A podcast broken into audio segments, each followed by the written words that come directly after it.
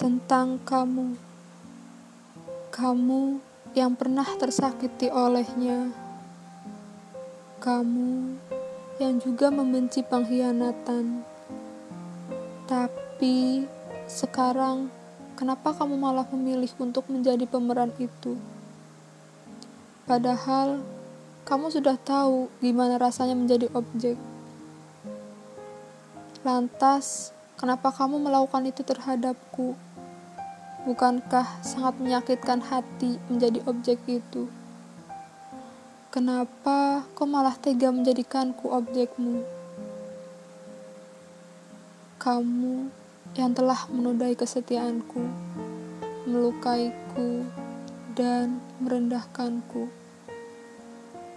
Tapi Mengapa sampai detik ini pun aku masih mengharapkanmu? Mengapa aku tetap setia meski dibuat sakit dan jatuh berkali-kali olehmu? Kamu, nama yang selalu kusebut di setiap sepertiga malamku, dengan harap kita bisa dipertemukan dengan amin yang sama. Aku pernah dengar kata seseorang bahwa Tanda cinta paling dalam adalah saat kamu mendoakannya diam-diam. Tapi di situlah tantangannya. Membuktikan ketulusan di tengah situasi yang sulit. Di situlah konsistensi teruji. Tapi di situ juga integritas terbukti.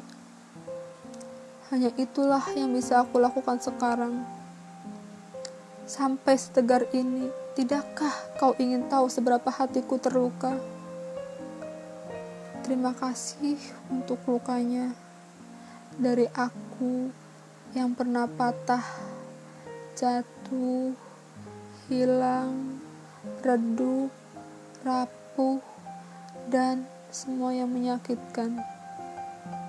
Doakan aku, semoga aku baik-baik saja tanpa kamu sekarang dan nanti.